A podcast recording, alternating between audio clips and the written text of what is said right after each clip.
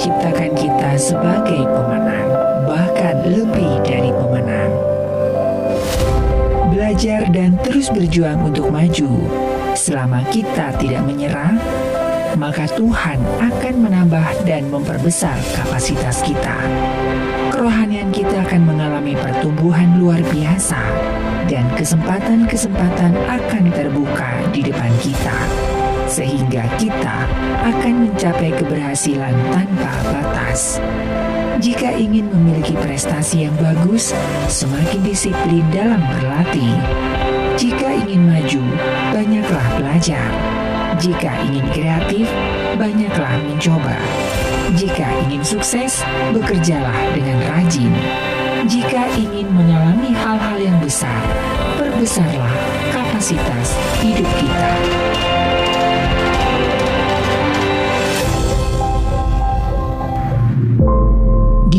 Dalam keluarga sangat kompleks. Kematian, adiksi, keuangan, penyakit mental, perceraian, masalah pendidikan, masalah wanita dan peran ayah, gaya hidup, atau masalah yang timbul ketika terjadi transisi. Semuanya adalah masalah yang dapat menghinggapi keluarga. Berbagai masalah ini mungkin tak terselesaikan dengan baik. Hal ini akan berujung pada perselisihan, ketegangan, hingga kebencian antar anggota keluarga. Konflik keluarga dapat merusak masing-masing individu di dalamnya. Bersama narasumber yang berkompeten di bidangnya, akan mengasah keterampilan dalam menyelesaikan masalah secara efektif dalam pelangi. 92,5 Maestro FM House with the Sound. Shalom dan apa kabar Sobat Maestro? Ketemu lagi ya di program Pelangi Kasih. Ini spesial banget ya hari ini ya uh, Valentine Day. Iya Hari Rabu 14 Februari 2023 ya. Dan kembali ya Sobat Maestro program Pelangi Kasih hadir menemani Anda.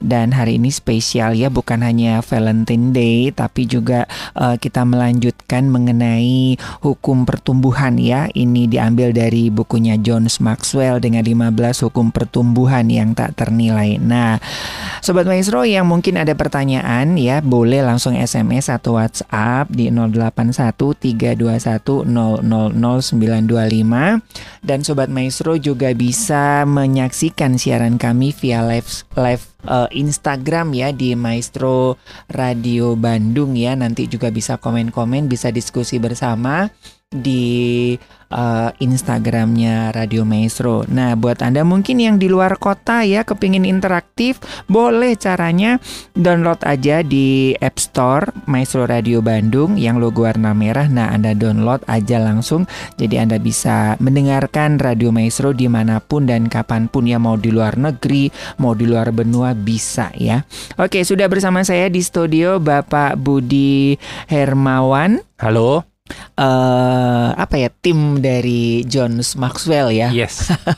Certified John C. Maxwell. John C. Maxwell ya. Oke, okay. nah ini tuh berkesinambungan ya sobat maestro ya. Setiap uh, dua Rabu sekali kita akan membahas mengenai hukum hukum uh, pertumbuhan dan ini tuh adalah basically banget ba base apa basically banget ya sebelum kita dipercayakan dalam pengelolaan uh, salah satunya adalah pengelolaan keuangan dan tentunya saya juga ingin menyapa rekan-rekan dari Kingdom Business Community yes. Bandung ya. Halo ditunggu ya rekan-rekan uh, eh, KBC nanti kan kayaknya enak ya kok ya kolaborasi bareng gitu ya. Iya betul. Lebih relate begitu ya. Jadi yes. apa yang disampaikan Kobuhe terus di uh, apa namanya dipraktekkan dalam marketplace gitu yes, ya. Yes, Oke okay, kok. Sebelum kita masuk ke hukum yang ketiga, kok Buhe bisa sedikit mereview kemarin uh, tentang hukum kesadaran.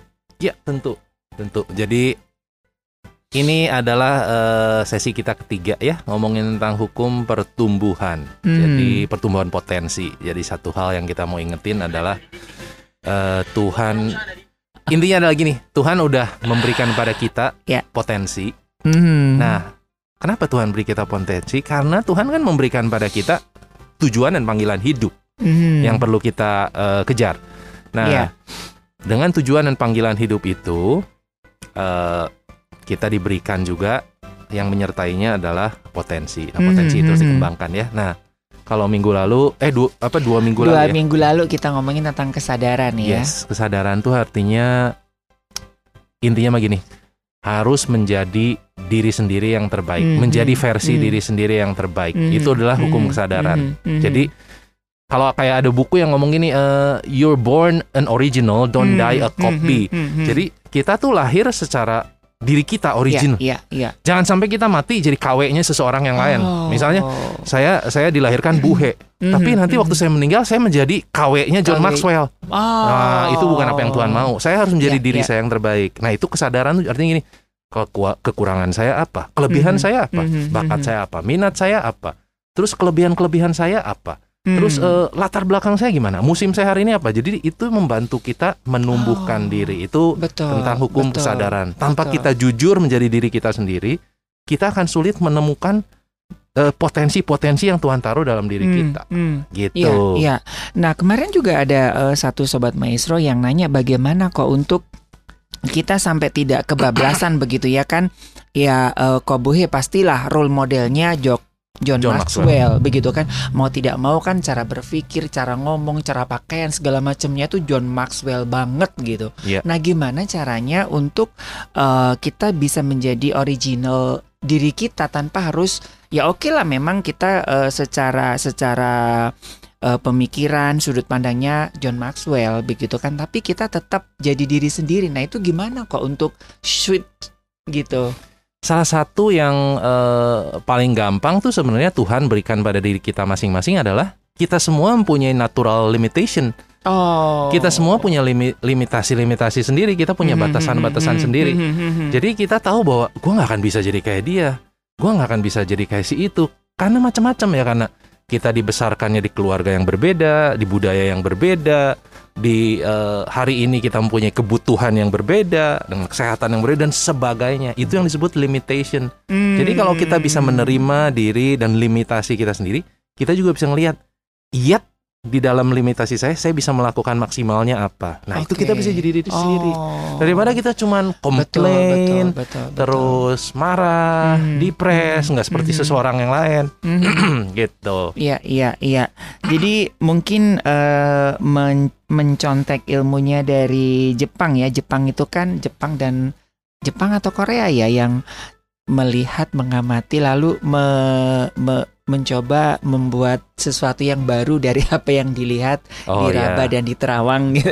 ya bisa. Jadi jadi bukan benar-benar eh jadi KW satunya dari produk tertentu gitu kan. Iya, menjadi diri sendiri yang memang udah Tuhan sediain, ciptain, Hmm, hmm, betul, hmm, betul. hmm, Cuman hmm. harus mengembangkan diri kita. Oke. Makanya harus eh, hari ini pentingnya adalah kita melihat diri kita berharga. Nah, jadi ini berkesinambungan ya Sobat Iya. Maestro ya. Kemarin itu tentang kesadaran. Ketika kita sudah eh, memiliki sebuah kesadaran bahwa kita itu eh, unik, spesial dan original di hadapan Tuhan. Aduh, original taste ya kayak saya nggak usah nggak usah pakai bumbu macem-macem begitu ya. Iya. Baru kita bisa melihat diri apa adanya dengan hukum cermin ini. Yes. Nah, ini seperti apa ini Kobuhe?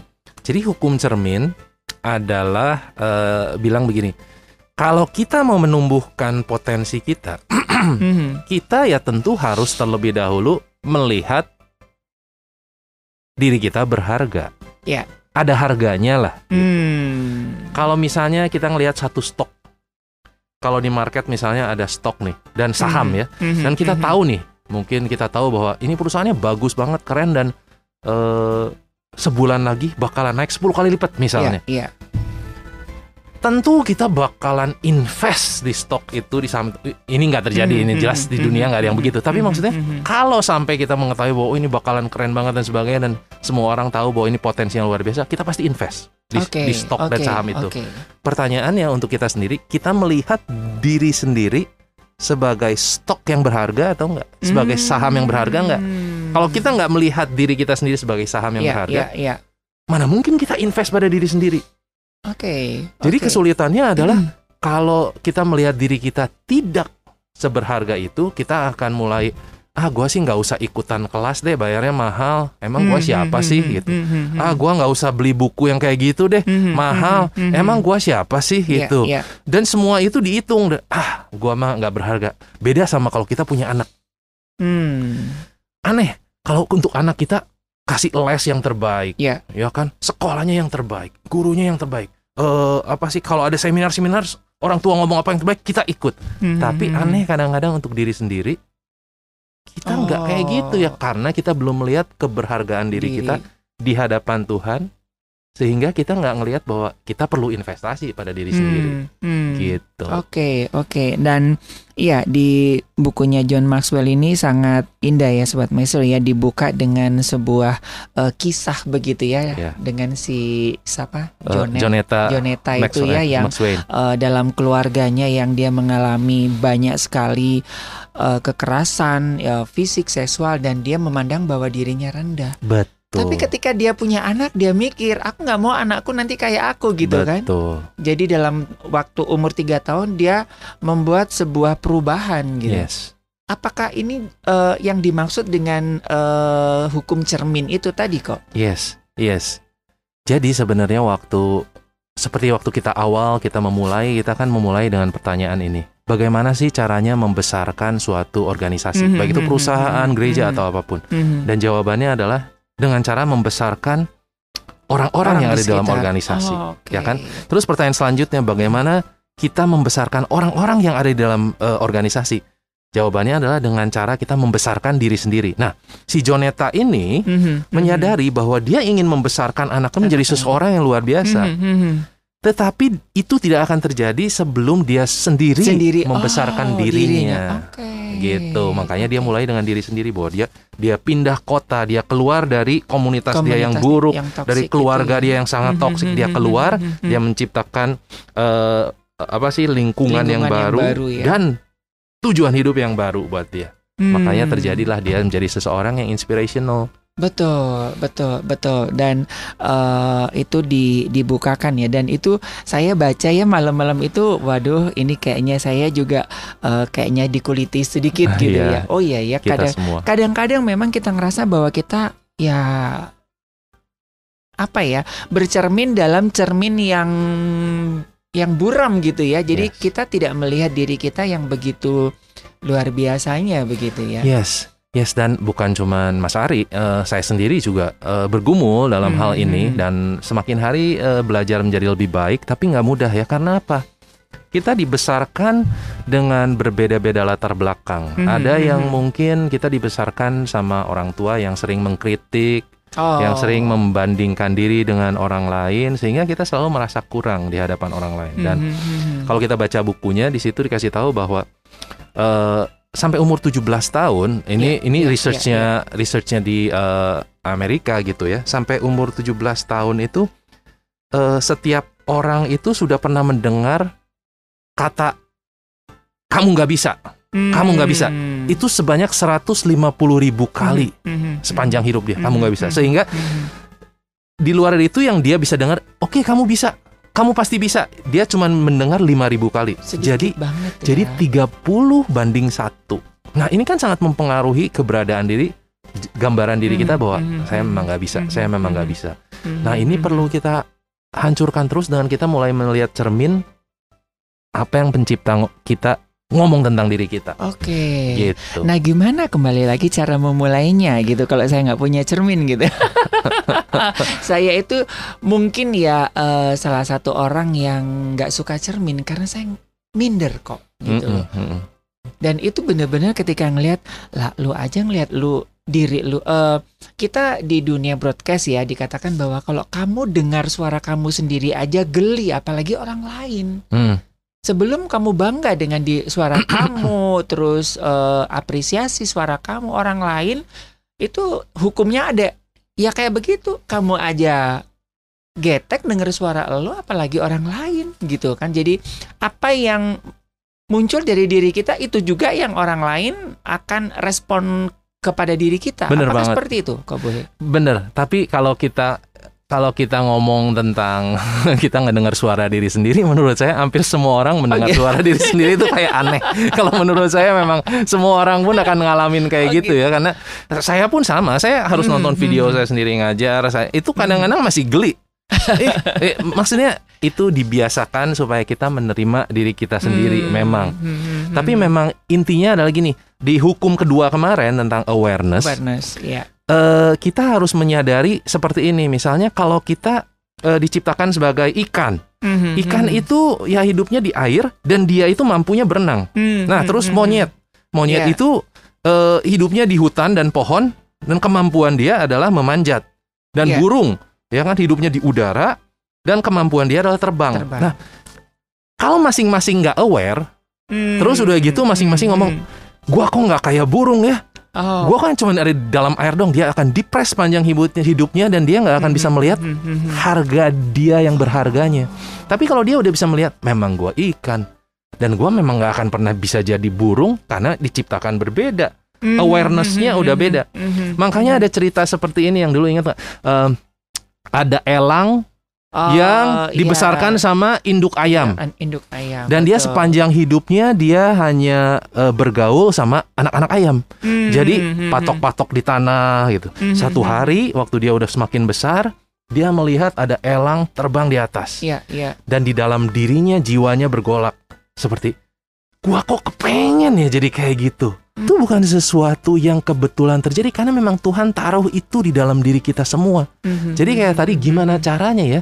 Sebenarnya di satu saat di hidup kita kalau kita mau jujur and aware, kita tuh punya built in kayak gitu. Gua tuh kok pengen ya kayak gitu ya. Hmm, Aduh, gua kayaknya bukan ini deh gua. hmm, Gua harusnya tuh kayak gitu. Nah, itu yang perlu kita kejar. hmm, hmm, hmm. Itulah keberhargaan yang sebenarnya kita rasa yang Tuhan Iya. memang taruh dalam diri kita. Iya, Itu yang kita iya. Perlu ke- kejar gitu. Betul, betul, betul. Nah, gimana? How to untuk bercermin ini kok? Ini kan sesuatu yang basic, tapi kadang-kadang kita sendiri nggak tahu. Buat saya adalah gini, sebenarnya kita itu manusia itu em, bisa dibilang gini, butuh penerimaan. Hmm. Iya kan? Tapi belajar untuk menerima diri itu yang sebenarnya yang kita sangat perlu dalam Mhm, hukum mhm, ketiga ini. mhm, Belajar menerima diri. Hukum kedua dan ketiga ini sangat mirip. Hukum hukum Iya, kedua iya, itu betul, ya. betul, betul. Kalau hukum yang ketiga tuh ngomong bukan cuman kamu menerima diri, kamu harus melihat nilai diri kamu. Oh, kelebihan. Nah, ini benar-benar kita ke harus- lebih harus belajar. ke, eh, nilai diri ya, lebih ke value eh, Iya. apa yang sudah Tuhan eh, berikan dalam Yes. diri kita ya. Ini yang disebut self image, Hmm. citra diri. Self image Mhm, kita mhm, itu jadi self image manusia itu beda-beda. Ada yang low, Iya, iya. ada yang high, ada yang healthy gitu ada kan. yang lebay ya. kan banyak tuh Self-image. meme tuh ya. ada. Tapi eh eh, apakah em, nah ini ini ini ini cukup menarik ya eh, sobat maestro ya. Kan haruskah kita waktu apa ya? Kan ada banyak orang yang nggak tahu kah apakah ini motivasi yang benar atau enggak ya? Jadi kan ada beberapa gambar tuh ya. Mm-mm. jadi eh, ada beberapa kebalikan. Ada singa yang dia bercermin tapi yang dilihat itu hanya eh, seekor kucing misalnya. Yes. ada yang seekor kucing yang dia bercermin dia jadi seperti seekor singa gitu. Nah ada dualisme kayak gitu itu itu seperti apa kok harusnya? Harusnya kan ya kucing yang lihatnya kucing, harimau lihatnya harimau gitu. Atau seperti apa nih? Saya belum belum connect nih dengan hal itu nih. eh semua itu kita harus harus mengerti yang namanya realistis Hmm, sama apa yang hanya sekedar mimpi fantasi hmm, hmm. ya yang kita nggak Hmm. mau kan mimpi fantasi bahwa Iya, eh gue iya. tuh Superman loh terus kalau gue bisa terbang oh. ya jelas-jelas nggak bisa lah itu kan di iya. luar dari nalar tapi kalau kita merasa bahwa tidak mungkin Tuhan yang begitu kasih dan penyayang yang katanya menciptakan kita dengan begitu spesial dan penuh kasih Mhm. tidak memberikan kita tujuan hidup Oh. tidak mungkin itu nomor satu pasti Mhm, Tuhan mhm. kasih kita tujuan yang spesifik Iya, iya. ya kan kayak perangko perangko diciptakan spesifik walaupun dia hanya berdiri di di pinggir amplop Hmm. tetapi waktu dia ditempel di amplop, Di dicap, dan sampai ya. udah selesai, tugas dia selesai. Dan gak banyak orang menghargai yang namanya perangko. Perangko. Tapi perangko diciptakan dengan tujuan. Hmm, hmm, Kadang-kadang hmm, kita kan hmm, suka hmm. komplain, gua nggak mau jadi perangko, Tuhan, gua mau jadi suratnya. Oke. Gitu, ya kan? Tapi maksudnya paling nggak kita harus ngerti dulu siapa diri kita Hmm, dan hmm, Tuhan hmm, ciptakan kita pasti hmm. dengan tujuan yang mulia. Oke, Nah, oke. Kalau kita udah dikasih tujuan, tidak mungkin tidak diperlengkapi. Hmm. Karena Tuhan kita jauh lebih Oke. bertanggung jawab Yes. untuk itu. Jadi yes, yes. kita diperlengkapi Hmm. dengan potensi-potensi, dengan dengan eh, apa sih eh, kepribadian, dengan Hmm, latar hmm, belakang, hmm, hmm. supaya kita bisa mengejar panggilan itu, tujuan Hmm. itu. Nah, yang menjadi pembatas sering kali adalah kita nggak ngerasa itu. Bukan saya mah bukan itu. Nggak mungkin saya mah melakukan itu. Oke. Saya mah bukan. Nah, itu yang kita harus pecah dulu dan kita pengen ngobrolin tentang ini hari ini. Hmm. Waktu kita pecah, kita bisa bertumbuh. Karena Oke. buku bilang begini. Iya. Self image kita itu menjadi pembatas level pertumbuhan potensi. Jadi gini, kalau misalnya saya mempunyai potensi maksimal di 10, Hmm, hmm, hmm, hmm. ya. Hmm, Nah, hmm. saat ini saya misalnya di level 3. Iya. Potensi saya tercapai di level 3.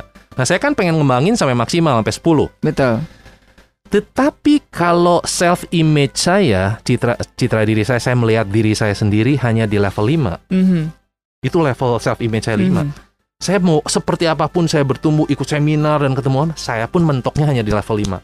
Saya harus menaikkan dulu self image. Self- Soalnya self image ini jadi kayak sesuatu yang terus-menerus apa ya? mensabotase diri kita Mhm, terus. mhm, mhm, Enggak, lu bukan mhm, itu. mhm, Menang mhm. dikit diomongin ah lu kebetulan. Ini ah lu mah jelek. Ah lu mah Mhm, selalu mhm, ada yang mensabotase mhm, diri. mhm. Gitu. Makanya kita harus menyadari bahwa oke, berarti self image itu pilihan kita sendiri. Yes. Tapi bukan cuma pilihan kita sendiri, kita juga harus memilih dengan siapa kita bergaulnya. Bergaul. Ya. Ya kan? Kalau Iya. kita baca firman, oke, kita bergaul dengan Tuhan, dia akan ngomong pada kita, kamu adalah siapa. Dan itu yang kita terima. Mhm, Tapi mhm, kalau kita keluar mhm. kamar dan semua orangnya ngomong, ah lu kayaknya lebay lah, bikin-bikin program lah, Iya, ah bikin iya. plan lah, ah lu mau nyoba ini nyoba itu, ah lu keterlaluan, lu nggak usah lah, biasa-biasa aja lah lu. Kita pasti turun lagi langsung. Oh iya Mhm, sih, gua mhm, bukan. mhm. Kayak tadi tuh, Mhm, mhm. Anak elang, tetapi Iya, di iya, sekeliling ayam pasti kan, ayam. lu nggak akan bisa terbang lah, lu ayam. Tapi dalam diri dia enggak, gua elang gitu. Hmm. Nah itu yang harus pertama-tama periksa dulu diri kita. Pasti ada yang Tuhan taruh. Oke. Dan itu yang kita harus kejar. Mhm, gitu ya, self mhm, image. mhm. Ada beberapa poin sih kan Iya. yang di, di buku ya tentang bagaimana membangun citra diri. Ya, Gitu, memang ini mungkin. penting sekali ya sobat maestro ya karena ya itu tadilah ya kita eh, kalau apa namanya ya kayak hukum apa ya eh kalau kita sendiri aja menganggap rendah diri kita ya, Ya. orang lain juga akan seperti Bener. itu juga kan Bener banget. resonansinya kan seperti itu ya hukum Bener banget. timbal baliknya ya kok ya Bener banget. Jadi kalau saya ketemu Mas Ari pertama kali terus saya ngomong, "Ah, Mas Ari, saya mah cuman eh, lim- nilai saya cuma lima ru- Mhm, lima ribu rupiah." mhm, mhm, Ya udah Mas Ari akan pegang itu ya kamu lima ribu rupiah. Ke mana-mana saya Ya. ngomong saya lima ribu rupiah, saya lima ribu rupiah. Hmm, Tapi hmm. kalau saya ketemu dan saya ngomong, oke saya masih terus belajar dan masih terus bertumbuh dan potensi saya sebenarnya mungkin 5000 T atau apa nggak tahu apa pun yang kita ngomong bahwa kita ngomong potensi saya masih belum kelihatan tapi saya nggak begitu Iya, gitu. Iya. Ini yang ini yang saya lihat dari eh, apa ya budaya timur dan barat ya. Ya Mm-mm. ya bukan ya kita lihat eh, satu positifnya ya kalau di kalau di budaya budaya timur itu mengakui kelebihan itu kok kayaknya sombong banget sih gitu Hmm. kan. Nah, ini akan oh enggak kok, enggak enggak bisa. Nah, padahal kalau di budaya barat ya kamu harus mengapresiasi diri kamu Bener, gitu kan. bener. Jadi kalau misalkan ya kamu udah pinter di siaran, ya lu harus bangga Iya, harus lu apresiasi enggak kok aku nggak bisa gini gini ya orang pun akan merendahkan itu ke kamu gitu nah Iya. itu gimana kok untuk untuk batasannya antara memang kita mengafirmasi diri kita bahwa oke saya spesial eh, contohnya saya ya saya lebih hebat dari lu penyiar gitu kan kasarannya begitu kan. Eh, sombong banget gitu kan Iya. nah itu gimana untuk supaya tidak menyikapi hal ini tuh kok supaya kita nggak down lagi gitu. yes, a good question, very good. Karena orang akan bertanya di titik mana sih kok kita jadi sombong? Ya. Ya kan di titik mana kita sebenarnya healthy self image. Hmm, Self image yang sehat. Sebenarnya eh, simpelnya begini. Healthy self image itu mengarah ke dalam diri. Oh. Jadi you can do it. Hmm, hmm, hmm, hmm, hmm. Kamu bisa. Kamu harus berusaha lagi. Kamu punya panggilan hidup. Tujuan kamu jelas. kamu diciptakan dengan nyata dan kamu punya kelebihan dan kekurangan. Sure, kita terima kekurangan, tapi kita akan kembangkan kelebihan. Itu hanya ke dalam diri kita. Oh. Kalau sombong itu arahnya keluar. Keluar. Oh. Harus kasih tahu ke orang. Hmm, hmm, hmm, Ah, harus hmm, hmm, sebar-sebarin, harus hmm, hmm, hmm, ditampilkan. Kalau self healthy self image nggak harus ditampilkan. Orang nggak harus lihat, orang nggak harus lihat itu terjadi. Kalau kalau kesombongan hati-hati kadang-kadang bahwa nggak, gue harus kasih tahu, gue lebih baik dari dia, Hmm, hmm, gitu hmm, kan. hmm, Gue hmm, lebih hebat dari dia, baju gue lebih oke, penampilan gue lebih oke, gitu kan. hmm, hmm, Siarannya gue lebih oke, eh, apa project gue lebih oke, semuanya itu harus. Nah itu hati-hati Ya, ya, gitu. ya. Tapi kalau memang healthy self image selalu mulainya dari dalam diri dulu, nggak nggak keluar. Tujuannya bukan untuk keluar. Oke. Nah, jadi kalau kita bisa oke. ngecek diri kita secara berkala, nanti dulu ini healthy self image Hmm, atau hmm, hmm, hmm. Jadi balik lagi eh, kita juga kepengen ya, eh, bukan cuman sekedar kita confidence. Ujung-ujungnya waktu kita healthy self image kita confidence. Hmm, hmm, Bukan cuman sekedar confidence, hmm, hmm. yang diperlukan itu justru competence Oh, yes. ya, karena Yes. competence nggak bisa digantikan sama confidence. Hmm. confidence itu hanya merasa bisa. Iya. Penting nggak orang confidence? Iya. Kalau nggak dia nggak akan berani mencoba kan confidence saja. Tapi merasa bisa belum tentu bisa. Yang kita Hmm. perlu adalah competence. Bisa. Competence itu Ya, artinya ya. I can. Kalau tadi I think I can, kalau ini I can. Jadi Hmm, dua-duanya memang penting. hmm, hmm, Tapi hmm, at the end kalau kita menumbuhkan potensi diri kita dengan kita berlatih, kita praktek, kita sih ujung-ujungnya keluarnya kompetensi. hmm. mencoba dan belajar lagi dan itu kalau nggak healthy self image susah karena Betul. kompetensi itu dibentuk di mana waktu orang-orang nggak melihat sedangkan kalau kita pengennya nyombong kita kepengennya ada perhatian Orang dari lihat. orang pujian Hmm, dari orang hmm, itu susah Hmm, sedangkan hmm, really really kompetensi itu dibentuk hari demi hari di mana waktu banyak orang nggak melihat kita hmm. dan hanya self self healthy self image itu yang akan ngomong it's okay keep doing it terus Oke. lakukan terus lakukan Ya, sampai kita ya, jadi ya. competence. Nah, orang-orang competence itu nanti suka disebutnya kayak overconfidence padahal enggak. hmm, Mereka hmm, yakin karena well, gue udah berlatih 10.000 jam, ya ya, Ya, tentu gue yakin betul, lah betul, gitu loh. betul, Nggak mungkin betul. enggak lah. Kecuali kalau gue cuma latihannya sejam, ya gue mungkin pura-pura bisa gitu. hmm, Karena itu hmm, juga hmm, hmm. it's okay karena setiap orang akan punya level di situ. Ya. Gitu. Ya, ya.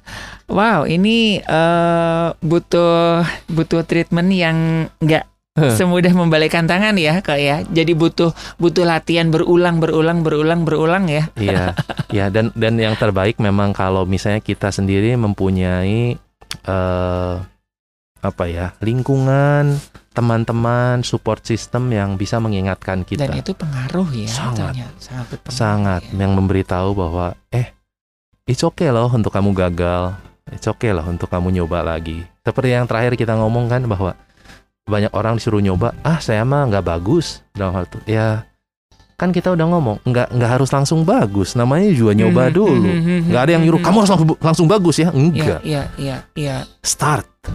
Kalau jelek gimana? Ya namanya juga baru start masa kamu langsung bagus? Nggak realistis lah. Hmm, hmm. gitu kan? Start and then you get better. start and then you get better. Nah itu yang perlu kalau kita healthy self image oke kita bisa enjoy the process. Is okay. Nggak Oke, apa-apa gua oke, gagal. Gua oke. bukan musuh gua sendiri gua nggak mengkritik diri gua sendiri Mhm, berlebihan. Mhm. kalau yang nggak healthy self image itu begitu salah dikit kritik diri salah dikit kritik diri Oh. menyalahkan diri jadi musuh diri yang terbesar malahan Iya, iya, iya, gitu nah iya. kita nggak mau yang gitu kita Mhm, belajar mhm, jadi mhm. teman yang baik untuk diri kita sendiri Ya, iya. Oke, nah itu ya sobat maestro ya beberapa langkah awal untuk kita bisa eh, bercermin begitu ya untuk menemukan nilai diri kita ya bahwa ketika kita sudah tahu nih bahwa kita nilai diri kita itu sungguh luar biasa. Nah, kalau misalkan di circle kita ada toxic toxic ya lebih baik yes batasi move atau gitu keluar ya, keluar ya. Ya. Itu lebih bagi lebih baik ya. sangat lebih baik jelas-jelas karena Mhm, mhm. untuk apa kita ada di sana karena kita malah semakin turun ya kalau orang-orang yang negatif Iya. ya Iya, betul, betul, betul. Nggak apa-apalah dibilang sombong dan segala macem ya. Itu kan demi menyelamatkan eh, diri, gitu Iya. kan ya. Iya. Iya. Saya kemarin nonton beberapa eh, serial begitu ya. Kamu nggak akan pernah bisa menyelamatkan orang lain kalau kamu sendiri nggak memperkembangkan kapasitas lo. Kalau lo nggak kuat diri dulu nggak bakalan bisa gitu. That's very good. Ada orang yang eh, ini ceritanya em, jadi dia itu kan sekalipun dia itu sudah ditetapkan sebagai calon raja gitu kan hatinya bagus hatinya lembut ngelihat penderitaan rakyat tapi dia nggak diperlengkapi dengan banyak hal Ah, yes. lu mau terjun nggak bisa Yes. lu mundur dulu lu kuat dulu baru lu bisa ba- lu bisa nolong bangsa kamu gitu Yes. jadi seperti itu ya pak Yes. ya Yes. jadi itu pentingnya belajar, pentingnya kita masuk komunitas yang positif. yes. Oke. Yes. Jadi eh, menarik apa yang barusan disebut di serial itu adalah eh, kepemimpinan yang kita pernah bahas kan 3C ya. Hmm, hmm. Kompetensi ya kan? Karakter, Karakter. dan eh, caring. Hmm, hmm, hmm, kan? hmm. Nah, raja itu mungkin benar-benar punya caring, Caring. hatinya udah bener. Tapi tanpa kompetensi, Kompetensi. dia yang nggak bisa bawa orang juga. Jadi makanya kita perlu punya tiga-tiganya. Hmm, hmm, hmm, Kompetensi hmm. kita harus diasah seperti tadi tuh. Kompetensi ini. Nah, ini balik lagi Iya. kita tanpa citra diri atau self healthy image setiap hari kita bangun, kita akan selalu mempunyai alasan untuk nggak bertumbuh. Kalau kita nggak healthy, ah, ada gua masih apa gitu. Hmm, Tapi hmm, kalau kita hmm. ngerasa, wow, hari ini saya ada kesempatan untuk belajar yang baru, berkembang, dan menjadi berkat buat orang lain. Setiap hari kita bangun seperti itu, oh saya akan jadi memberkati orang, healthy kita. Bahwa kita Hmm. ada bukan untuk diri kita sendiri. Kita ada untuk menjadi berkat untuk orang lain. Itu kan healthy Betul. tuh, ada tujuan soalnya, ada tujuan Hmm, hidup. hmm. Kalau nggak ada tujuan hidup, bangun ngapain, nggak jelas. Tahu-tahu udah malam lagi, Iya, depressing banget. betul, betul. Saya satu minggu ini tuh kayaknya dapat teguran ya kan eh, tema Radio Maestro itu di bulan Februari ini kan memperkembangkan kapasitas. Mm-mm. Nah, ternyata untuk memperkembangkan kapasitas itu mulai dari perkataan lu dulu deh, Hmm, Bener banget. gitu kok ya. Bener Jadi saya banget. bilang, Bener waduh, banget. iya ya kayaknya saya kan tipikal orang yang sekalipun udah dibentuk asam manis gitu, tapi tetap aja, aduh, nggak bisa deh, nggak mau deh, gitu kan. Mulai kata-kata yang negatif, coret, coret, coret Wow, gitu. wow, wow, wow, wow, bener, bener. Itu itu masuk langsung ke nomor satu yang 10 langkah di buku. Oh, Nah, nomor satu kan jaga percakapan diri dengan diri sendiri. Perkataan kita terhadap diri sendiri apa? Hmm. Itu itu yang tadi disebut bahwa self talknya kita tuh sering kali toksik untuk diri kita sendiri. Kita sendiri oke. sering ngomong, Iya, iya, enggak, iya, iya. lu mah nggak akan bisa. ah, lu mah ya, lu ikut seminar hari ini, lu denger radio hari ini, ah, lu ketemu mentor hari ini, ah, besok juga lu lupa lagi. Pasti itu kita tuh ada ada ada toxic dalam diri kita sendiri yang itu percakapannya yang harus kita rubah seperti yang tadi Mas Ari bilang. Oke, oke. Harusnya mulai ngomong, good, Hmm. kamu udah mencoba yang baru, kamu bisa. Oke, kamu Mhm, okay. mhm, mhm. Kamu setia ya. Kamu terus berproses ya, terus. Itu perkataannya dirubah. Ya. Kalau enggak benar-benar kita sendiri menjadi musuh terbesar kita. Di, oh. Nggak usah pusingin tentang orang lain Hmm. mengkritik kita. Mhm, Aduh, mhm. kayaknya orang-orang pada mengkritik gua nih. Mhm, Semua orang ngomongin negatif mhm, tentang gua nih gitu kan. mhm, mhm. Nggak usah pusingin tentang perkataan orang lain. Pusingin dulu aja perkataan tentang diri kita sendiri. Nggak usah mikirin orang lain mikir gua seperti apa. Pikirin gua mikir gua seperti apa. Oke. Apa kata Iya, gua tentang diri sendiri. Itu aja jauh lebih penting. Itu menjaga Mhm, Percakapan mhm, pribadi. mhm. Iya, itu Dengan ya sobat diri. maestro ya langkah awal ya buat anda ke, eh, untuk kita bisa bertumbuh ya. Yuk kita apa namanya ya eh, percakapan dengan diri kita sendiri itu yang lebih positif lah dirubah. ya. Harus dirubah. dirubah. Dirubah. Oke. Jangan, jangan. Saya tuh salah seorang yang eh, cukup cukup kuat dalam mengkritik diri. Oh ya? Iya, saya sangat. Jadi kalau saya bikin salah dikit selalu, wah lu kayak, aduh tadi harusnya nggak gini. Lu dipikirin, dipikirin Hmm. gitu. Dan itu tuh bakar energi banyak banget untuk saya dan bikin saya down. Ya, saya harus belajar menerima balik lagi ke menerima diri bahwa setiap manusia pasti akan bikin salah, nggak ada yang bisa langsung baik gitu kan. Dan sekarang menjadi it's okay, at least you udah coba gitu kan. It's okay. Sekarang lu belajar Hmm. next time seperti apa ya? So you you gonna get better. Udah terus ya ngomong begitu sama diri sendiri. So saya belajar berteman dengan diri saya sendiri. Hmm. Bukan lagi suara Hmm. kritikan-kritikan, Hmm, tapi ya hmm, hmm, mengambil hmm. semuanya dari sudut pandang pembelajaran. Oke, Gitu. iya iya, dan itu juga terbentuk dari circle ya, dari komunitas ya, dari Yes. kelompok ya. Itu juga ya dari keluarga, dari budaya itu membentuk banget. Hmm, hmm, hmm, betul betul, iya. Ini yang kami alami dalam keluarga kami juga seperti itu sih, Kobuhe ya. Jadi keluarga kami itu memang, aduh, toksik banget gitu. Hmm. dari perkataannya, apalagi dari almarhum mama itu kan, ya puji Tuhan di ujung-ujungnya ya udah pada bertobat. Tapi kan Wow. sudah seperti Kobuhe tadi katakan bahwa 17 tahun orang itu kan udah yang Dibombardir. hal-hal- bombardir dengan hal-hal yang negatif dan sesuatu yang negatif itu kan lebih cepat masuk dalam otak kita daripada hal-hal yang positif kan. Yes. Di media aja hal-hal yang buruk aja lebih cepat viral daripada Yes. anak yang berprestasi begitu Yes. kan? Yes. Gitu. Oke, jadi itu kita mulai dari perkataan kita ya. Mm-mm. Oke. Selanjutnya seperti apa nih, Kobuhe? Ada poin kedua yang dibahas di buku itu adalah eh, berhenti membandingkan diri dengan orang lain. Kalau kita pengen healthy self image, Hmm. berhenti bandingin diri sama orang lain. Percuma banget membandingkan diri sama orang lain tuh itu hanya hanya apa ya? Mengganggu konsentrasi kita gitu. Distraction namanya. Jadi Iya. Iya, tapi kalau membandingkan diri sebagai acuan boleh nggak kok? Boleh sebagai benchmark boleh. Sebagai ba- iya. kita ngelihat bahwa ih itu bagusnya itu ya, kerennya itu ya, itu boleh banget. Hmm. Tapi kalau ngebandingin diri sehingga membuat kita jadi down, Oh. enggak itu jadi gini, membandingkan diri itu sebenarnya dua dampak yang buruk adalah gini, waktu kita lebih baik dari orang lain, kita kan sombong. Sombong. Iya. Tapi waktu kita lebih bu lebih apa sih lebih buruk dari orang lain terus kita minder. Both are not good. Dua-duanya Hmm. udah jelek banget. Mhm. Jadi yang sebenarnya kita perlu lakukan adalah kalau mau benchmarking nggak apa-apa, tapi membandingkan diri itu hanya dengan diri sendiri. Hmm. Bandingkan diri sendiri misalnya saya bulan lalu gimana? Mhm, gitu. mhm, Hari mhm. ini lebih baik nggak? Bandingkan diri dengan diri sendiri. diri sendiri. Oke. Bandingkan diri dengan potensi kita diri sendiri. Gue udah sesuai belum dengan apa yang seharusnya gue dapetin? Belum, gue masih seharusnya seperti itu. Oke, I'm gonna keep going. Hmm. Bandingkan diri itu seperti nah kalau benchmarking yang tadi disebut dis- mungkin studi lapangan, studi banding, studi market itu boleh. Mhm, Kita mhm, ngelihat yang mhm, lain seperti apa, Itu boleh. Jadi kita bisa improve, belajar dari orang lain Ya. gitu. mhm. Ya itu itu sangat boleh. Tapi untuk kita sendiri sih jangan maksudnya berhenti bandingin diri sama orang lain. Mhm. Terima diri, musim kita beda, ya kan? Ya. Musim kita nabur, bandingin sama musim orang lain yang lagi nuai, depres lah kita pasti. Mm-mm. Liburan melulu dia mah, ayo, liburan melulu di IG-nya liburan melulu. Gua harus kerja aja susah banget. Banding-banding gitu bikin Ya. kita selalu down. Mhm, mhm. Gitu. Mhm, betul. Dan memang ini eh, kelihatannya sepele ya, tapi dampaknya bikin kita bantat ya, sobat Iya, maestro nggak bertumbuh ya.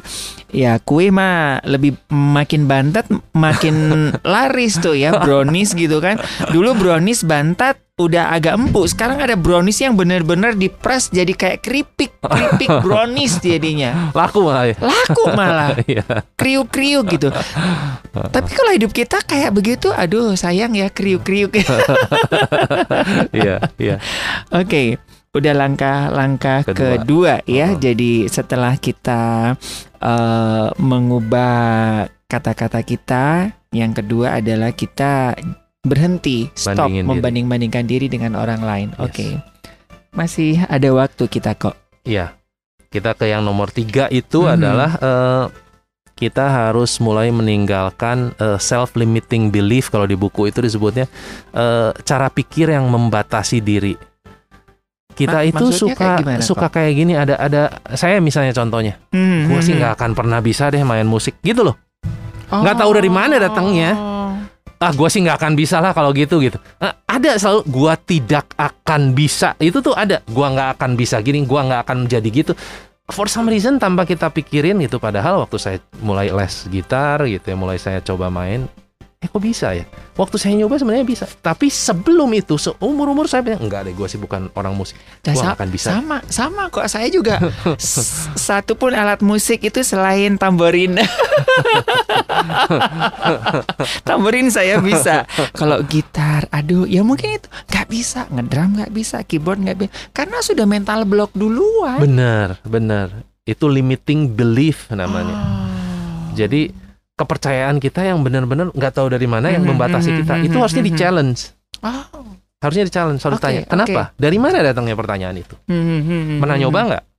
Jadi waktu kita pelajari ya kalau memang ujung-ujung nggak bisa ya nggak apa-apa. At least we already know bahwa itu bukan cuma sekedar kayak tadi sebut mental block Hmm, atau limiting belief. Hmm. gitu.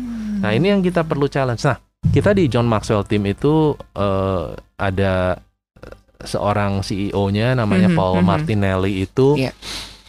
Dia kan udah sukses tuh sekarang bisnisnya ya multi miliar dollar company gitu di sana ya di Florida semua cuman dia cerita masa lalu dia dipenuhi dengan yang namanya limiting belief Hmm. bukan cuman dari diri dia sendiri tapi juga dari keluarganya Hmm, jadi hmm, dia hmm, itu anak ketiga dari tiga bersaudara dari Mhm. orang eh, keturunan Itali, which Iya, is iya.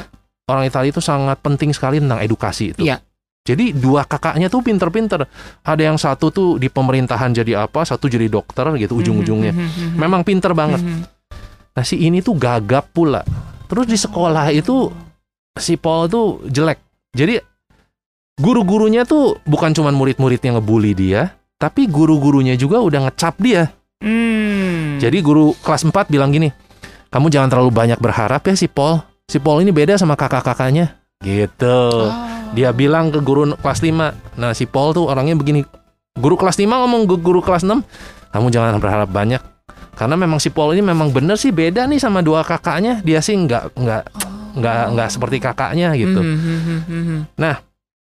Semakin dia bertumbuh, dia bertumbuh dalam pemikiran itu bahwa diri dia itu bener-bener nggak ada nggak ada kelebihannya, semuanya kekurangannya. Jadi akhirnya di- dia tidak menyelesaikan sekolah, dia hanya kerja sebagai orang yang bersih-bersih atap. Oke. Dia bilang dia kerja Senin, Selasa, Rabu, Kamis, Jumat, membenci kerjaannya setiap hari. Tapi dia Hmm, sangat hmm, hmm. takut dipecat, Hmm, hmm. gitu. Tapi dia benci banget, tapi dia takut dipecat karena apa? Gue keluarganya ngomong udah untung lu dapat kerjaan Iya, juga. iya, Nah, jadi iya. ini dia udah dicap bahwa dia nggak ada apa-apanya, dia nggak berguna. Eh, untung lu dapat kerjaan juga. Hmm, Nah, hmm, tapi balik hmm. lagi, dia harus jujur sama diri sendiri karena dalam dirinya diri sendiri muncul sebenarnya. Gue kayaknya bisa lebih dari ini deh. Hmm, hmm. gitu loh.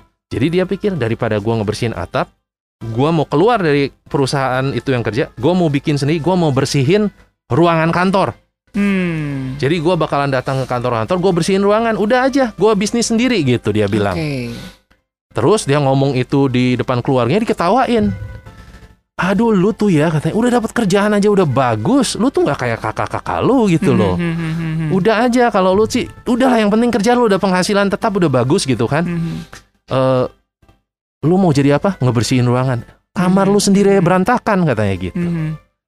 Jadi dia tuh benar-benar bukan cuma sekedar dicap ya, tapi limiting belief dia itu dikuatkan sama lingkungannya malah. Lingkungan, Tapi dia gigih dia tetap mau coba karena buat dia resikonya sama aja. Gua kerja di atap juga bisa jatuh mati juga kan. Hmm, hmm, Ini juga gue bisa gagal. hmm, hmm, Nothing tulus buat dia. Hmm, Udah hmm, dia hmm. coba. Nah, Iya. Waktu dia mencoba dengan semangat segala dia mulai ketemu dengan satu dokter yang kasih dia izin ngebersihin ruangannya. Terus dikasih kepercayaan dari dokter itu kenalan ke satu orang yang punya building. Jadi dia bukan cuma ngebersihin building eh, ruangan ngebersihin satu building office. Hmm. ujung-ujungnya dia punya company yang besar punya beberapa Wow. company yang sebenarnya. Dia ngomong gitu artinya your limiting belief dia bilang. Itu yang membuat lu stuck nggak bisa ke mana-mana. Itu kamu harus tembus dan itu itu cerita salah satu self limiting belief. Hmm, hmm, hmm, yang saya rasa kita pun harus ngerti self limiting belief kita mungkin udah nempel lama yang kita harus cabut Iya, sedikit-sedikit. iya, dan hati-hati juga kalau jangan-jangan orang di sekeliling kita juga yang terus ngomong bahwa enggak memang kamu begitu. Memang kamu begitu. Hmm. gitu. Dan itu kita harus berani keluar dari Iya, lingkungan itu. iya, betul, betul. Ini juga eh, saya diingatkan ya. Jadi ini eh, sobat-sobat maestro ya kan ada saya akan mendampingi beberapa keluarga yang memiliki anak-anak berkebutuhan khusus gitulah Hmm. kobuhe ya Hmm. jadi kayak anak-anak yang autis ah anak autis apa sih yang diharapkan begitu kan Hmm. kan itu kan udah udah limited bang udah blok banget ah nggak mungkin lah jadi apa gitu kan tapi ada beberapa keluarga yang eh, dia mencoba untuk menembus itu Wow. untuk Wonderful. stereotip bahwa anak Luar autis biasa. itu nggak bisa bikin apa-apa. Ternyata kan dari faktanya itu ada beberapa anak-anak autis itu kan memiliki satu kelebihan tingkat eh, dia daya tangkapnya, daya Yes. ingatnya kan cukup tinggi Mhm. begitu kan matematika bikin eh, cukup bagus terus ya tentunya dengan dengan eh, standarnya anak-anak yang seperti itu ya bukan standar kita ya. Terus daya imajinasinya itu kan tinggi. Mm-mm. Nah, jadi eh, satu kali itu ada perusahaan Jepang itu kan suka bikin anime-anime yang aneh-aneh kan, yang Hmm. karakter-karakter Iya iya. itu diambil dari anak-anak autis loh. Wow. gitu. Wow. Itu jadi Luar saya biasa. waktu itu iya, ketika saya eh, menyampaikan ini ke apa ke orang tua orang tua yang eh stop anak Mm-mm, autis itu mm-mm, bukan sesuatu yang nggak bisa apa-apa cuman Mm-mm. kita aja yang nggak tahu dia tuh eh apa namanya kelebihannya di mana Iya, bener banget. gitu Wow. itu luar biasa kok Bu. Wow. Jadi jadi eh, itu ada beberapa eh, perusahaan anime di Jepang yang eh, karakter-karakter monster-monster yang unik-unik itu diambil dari anak-anak autis. Wow.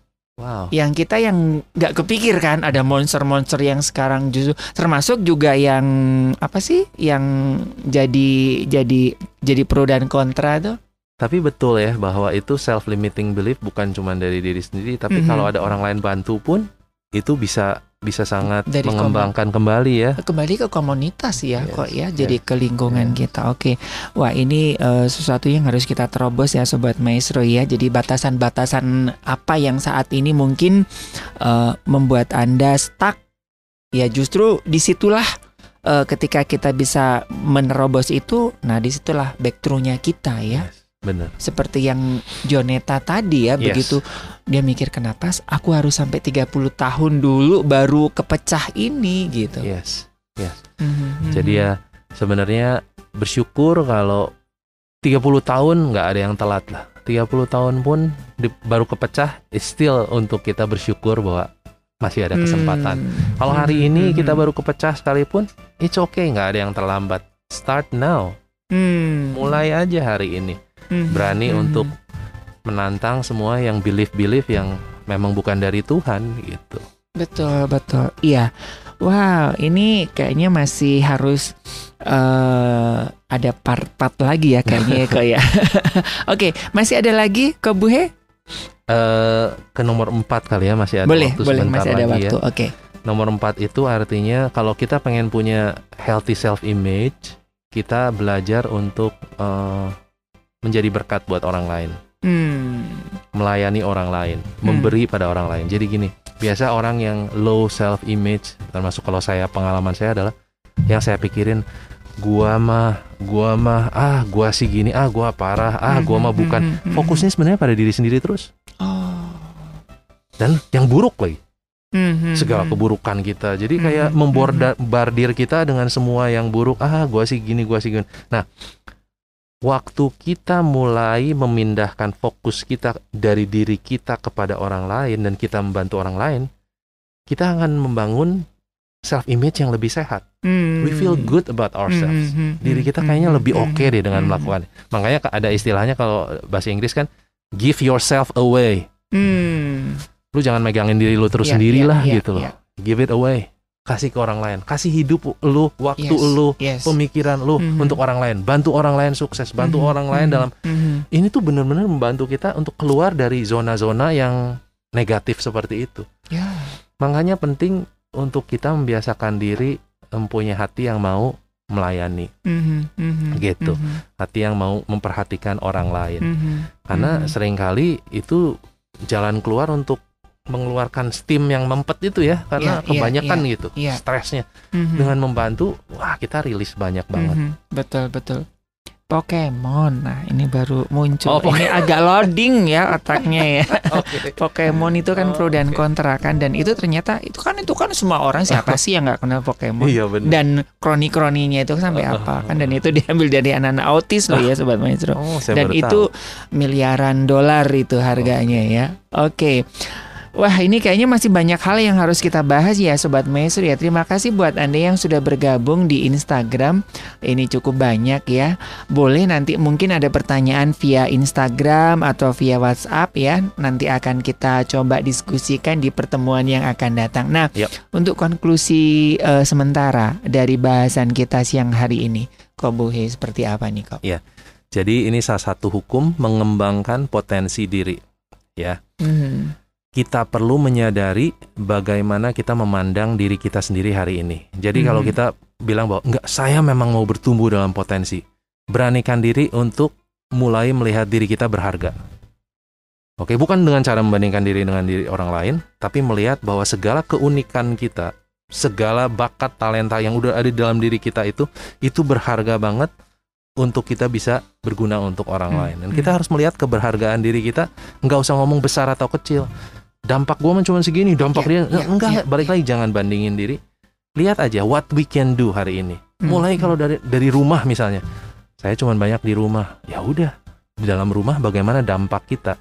Cara kita melihat diri kita sendiri mengembangkan itu benar-benar berpengaruh banget mengembangkan potensi. Ya, kalau di kantor saya misalnya, "Ah, tapi di kantor saya paling cuma lima orang. Hmm, Lakukan hmm. sesuatu Yes. terhadap mereka semua. Tapi dengan menyadari bahwa saya ini berharga, saya punya Hmm, sesuatu hmm, untuk hmm, dibagikan. hmm, hmm. Nah, kalau kita udah mulai feeling good, ya kan, kita akan semakin didorong untuk terus berkembang. Ya, ya. Mungkin itu ya ngomongin Ya. tentang cermin, melihat diri sendiri dan melihat ada nilai dalam diri kita. Waktu kita ngelihat Hmm. diri kita, hey, you're okay. Lu Oh. lu ada lu ada poin-poin oke dalam diri, lu berharga. Nah, Ya. itu membantu kita. Ya. Mungkin itu. Ya, luar biasa ya Sobat Maestro. Yuk kita mulai bercermin ya. Ini masih ada eh, sambungannya nanti ya. Kita dua Rabu lagi ya kok Siap. ya. Masih ada beberapa hal yang ini sangat luar biasa sekali. Eh, baik, terima kasih buat Anda yang sudah bergabung. Kobuhe terima kasih Terima buat kasih, hari ini sama-sama, sudah Mas Ari. membukakan satu wacana buat Mas kita Yuda. semuanya. Dan buat kita eh, sama-sama kita bertumbuh ya Sobat Maestro ya. Baik Sobat Maestro dari Gra Maestro Jalan Kaca Piring 12 Bandung Saya Ari juga Kobuhe atau Bapak Budi Hermawan Siap. eh Apa sih Lisen. Eh, certified, John Certified Maxwell. John Maxwell ya. Mewakili rekan-rekan dari Kingdom Business Community Yes, Bandung yes, Atau yes, KBC yes. Bandung Mohon pamit dari program Pelangi Kasih. Tetap jaga protokoler kesehatan. Yuk kita terus kembangkan kapasitas kita Dan Tuhan memberkati